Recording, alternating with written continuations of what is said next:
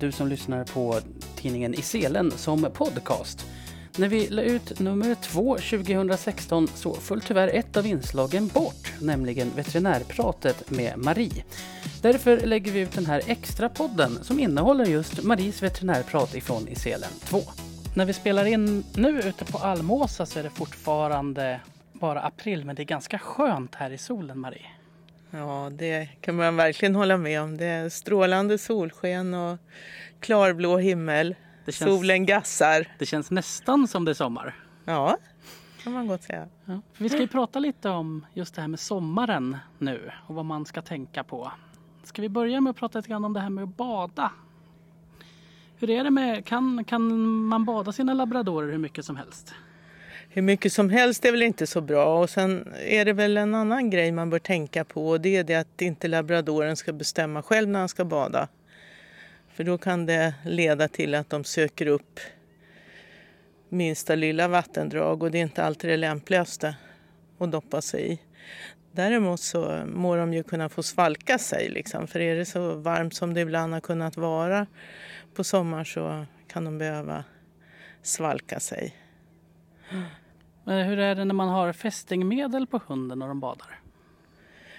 Eh, De här halsbanden, alltså vatten löser inte eh, fästingmedlet utan det, som är, det, det här medlet är fettlösligt. Det är därför det vidarebefordras i, i huden. Mm.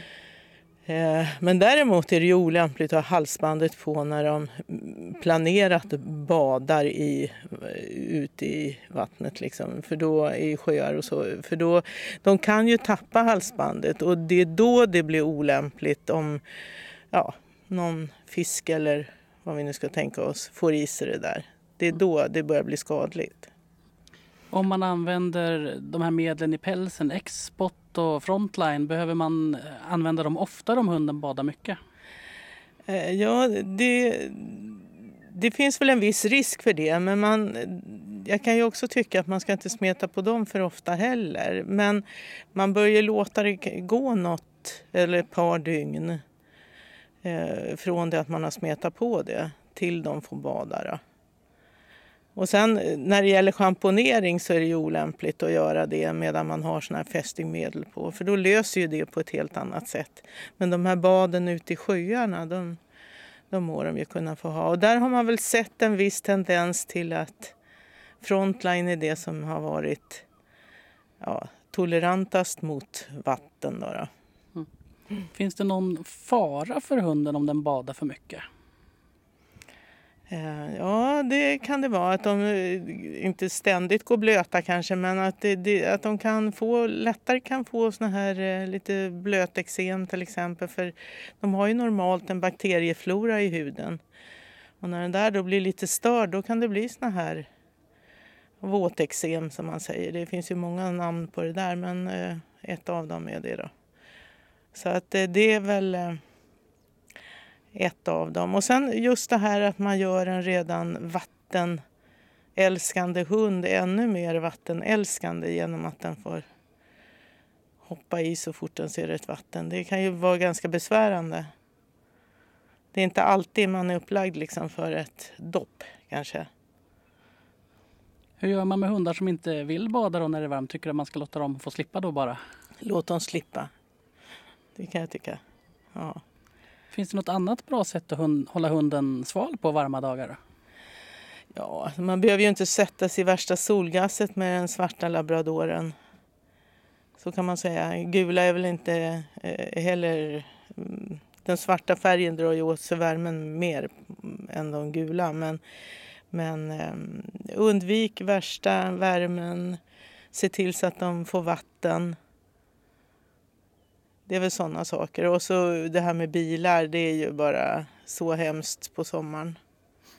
Ja precis, aldrig lämna hunden i en varm bil. Nej, för att det som är svalt när man lämnar hunden det kan bli hur hett som helst under solen ändrar sig och solen kan komma fram och hunden flåsar av värme så att en bil kan bli oerhört varm. Det har ju hänt, händer ju varje år dödsfall av för hundar i, i varma bilar. Men en del hundar gillar väl värme också, kanske inte just i bilar. Men jag vet min, min förra labrador han tyckte ju om att ligga i solen och låg där och flämtade som man trodde han skulle dö. Fast att han hade möjlighet att både vara i skuggan och gå in. Ja, det är ju, på hund är det ju precis som med oss människor. Vissa kan tolerera mer än andra. Det, det, varför jag sa så här tidigare, det var väl för att på något sätt är det ju någonting som vi då framkallar. Att de eh, fram, ligger där i värmen. Söker de mm. värmen själva så är det ju lite annorlunda kan jag känna. Mm. Men om man till exempel är ute och jobbar med hunden när det är väldigt varmt. Är det någon nytta för hunden om man till exempel har en sån här sprayflaska och sprutar lite vatten på hunden? För att kyla av den?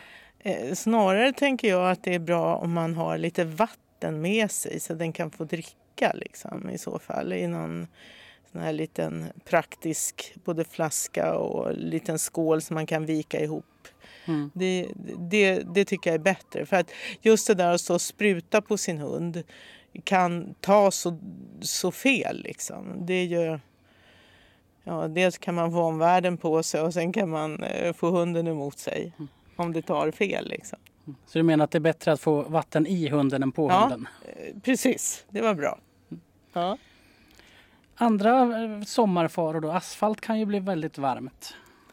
Ja, när det är då den här gassande värmen så kan det behöver ju inte vara nylagd asfalt men det kan vara så att det mjukas upp och går man då på det där helt ovetande.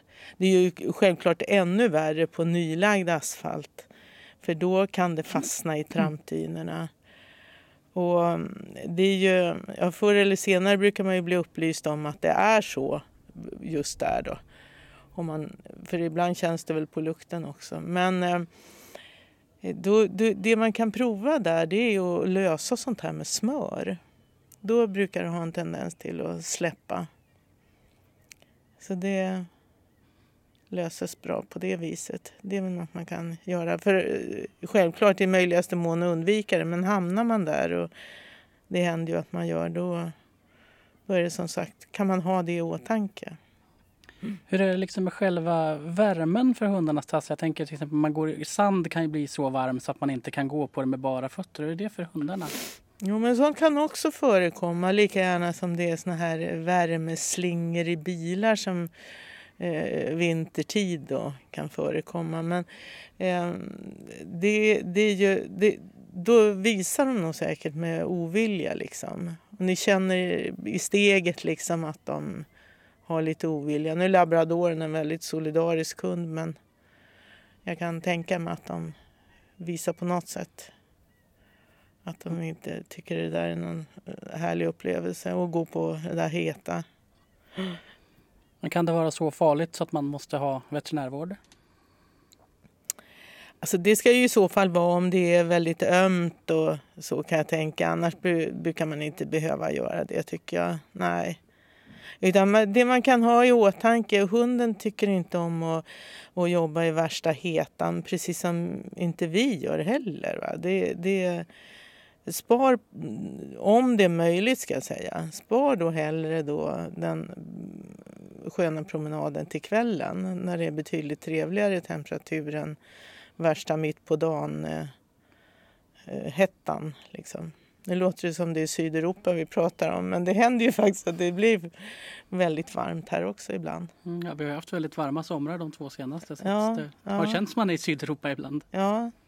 En annan sak så där med sommaren det är ju att man grillar och har man labradorer så de ju, tycker de ju om att hålla sig där det är mat. Är det någonting där som är farligt för hunden? Ja, det är fler, finns ju faktiskt flera saker. Dels är det ju här att vi, när vi grillar har vi ofta starka kryddor och det är ju inte bra. För det är klart att det vi kastar då och tycker är lite äckligt, antingen det är fett eller bara det som är ben. När karé till exempel, när bitar, de, de kan ju innehålla lite vassa ben och de stoppar de ju i sig. Och vissa klarar det, andra inte. Och så då de här eh, som, som eh, har kommit, det här att man grillar majs. Mm där de här majskolvarna, det som blir kvar då när majsen är uppäten, själva kolven är ju ganska hård och svårsmält. Och den har ju vållat många hundar besvär för att den, den är så fastnar väldigt lätt i tarmen i det att den är eh, det, det, är liksom gropar och ojämnheter som gör att det, och så har en dimension som gör att det är väldigt lätt för att stoppa upp i tarmen. Och det kan bli allvarligt. Så att får man mag-tarmsymptom på sin hund alltså, så tycker jag ska man ta det på största allvar. Det ska man alltid göra. Men sommartid med tanke på uttorkning och risken för det här med majskolvar så gör att man bör kontakta veterinär då, så att man får, får det konstaterat eh, i tid så att det inte blir cirkulationsstörningar på grund av att den här eh, ja, eventuella majskolven eller vad det nu är de har satt i sig eh, sitter och stoppar. Liksom. Mm. Hur är det med det här med ben? Det ska man väl hålla sig lite undan för? Ja, jag är ju så gammal så jag lever fortfarande kvar i det här med de där F-benen. det finns säkert nya. Fläsk, fågel och fisk. Ja, just det. Mm. Ja, men eh, det är väl eh, alltså ett riktigt märgben. Kanske eventuellt att man måste gräva ur den mesta märgen och gärna lite kokt då. då. Eh, är väl en väldigt bra grej att tugga på med de här 42 tänderna som de är utrustade med. Det kan jag tycka. Däremot såna här små otäcka kotlettben som kan gå och sätta sig på tvärsan, de, de är otrevliga. Så de ska man undvika. Men det är ju ett F-ben. Fläsk. Ja. Hur är det med så här tuggpinnar och sånt där? Det finns ju en uppsjö av sånt där nu för tiden. Kan, är det bra för hundarna? Så man kan väl säga bättre än inget. Bäst märgben tycker jag. Mm. Men du menar att det är, det är bra för hunden att tugga märgben regelbundet? Alltså regelbundet, man kan väl få tugga lite. Jag tycker man ska styra upp den där tuggningen. För att det, de blir ju oerhört intensiva när de håller på och tuggar. Men eh, de blir, de blir också väldigt tillfreds när de tuggar. Man ser att de mår gott. Inte bara av det. Alltså det är ju inte så mycket, det är ingen mat att äta på en sån där. Men de blir, ja, går in för sitt tuggande. Så de ser ut att må gott när de tuggar. Och det är klart, alltså, eh, ha ett eh, märgben i en, eh, inomhus kanske inte heller är så tilltalande. Då, då får man ju ta till ett sånt där tuggben. Men ja, de är ju inte... I brist på bröd får man äta limpa. Mm. man tänker. Det känns som vi bara pratar om så här hemskheter som ja. kan hända hunden.